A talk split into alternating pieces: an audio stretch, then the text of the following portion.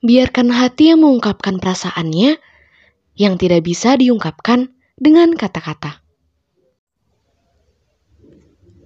Kisah ini sudah selesai. Cerita kita sudah selesai. Aku di sini lagi-lagi termenung diam. Nggak tahu harus apa. Setelah kamu bilang, kita selesai. We are not meant to be together. Aku nggak bisa jawab. Aku pilih diam saat itu dan cuma nerima aja. Bukannya aku nggak mau memperjuangkan hubungan ini. Bukannya aku juga udah gak mau sama kamu. Bukan karena aku udah ada yang lain. Bukan. Hanya saja saat itu aku berpikir, kalau kamu gak mau berusaha mempertahankan hubungan ini, terus buat apa aku berusaha sendirian untuk mempertahankan hubungan ini? Jadi aku diam. Aku terima itu. Tapi sekarang, I feel lost. I feel so empty. Aku kira setelah selama ini sikap kamu berubah, setelah selama ini aku udah capek disakitin terus sama kamu, aku udah gak sayang sama kamu lagi. Ternyata aku salah. Malam ini aku sadar kalau aku masih sayang sama kamu. Ternyata aku gak mau kita udahan gitu aja.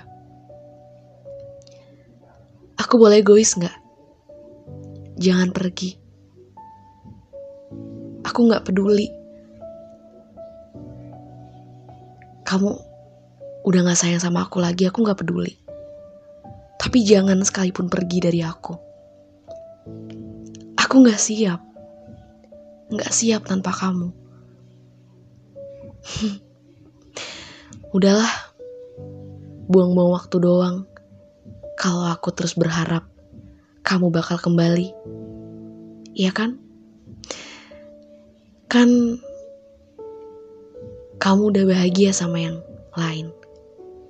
Jadi Buat apa? Terlalu berharap terus kan? Gak adil banget ya. Yang harus sakit aku doang. Seolah-olah perpisahan ini gak ada pengaruh apa pun buat kamu. Tapi gak apa-apa. Aku belajar bahwa kadang orang-orang yang datang di hidup itu memang cuma buat aku belajar dari pengalaman. Jadi, oke, okay, aku akan berusaha sendiri untuk ikhlas. Mau gimana pun kamu, aku tetap berterima kasih ya. Udah pernah jadi pelangi di hidup aku. Ngajarin aku banyak hal dan pernah membuat aku percaya bahwa kamu gak akan ninggalin aku.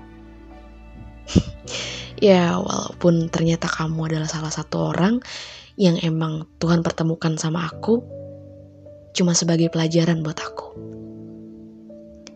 Jaga diri ya kamu.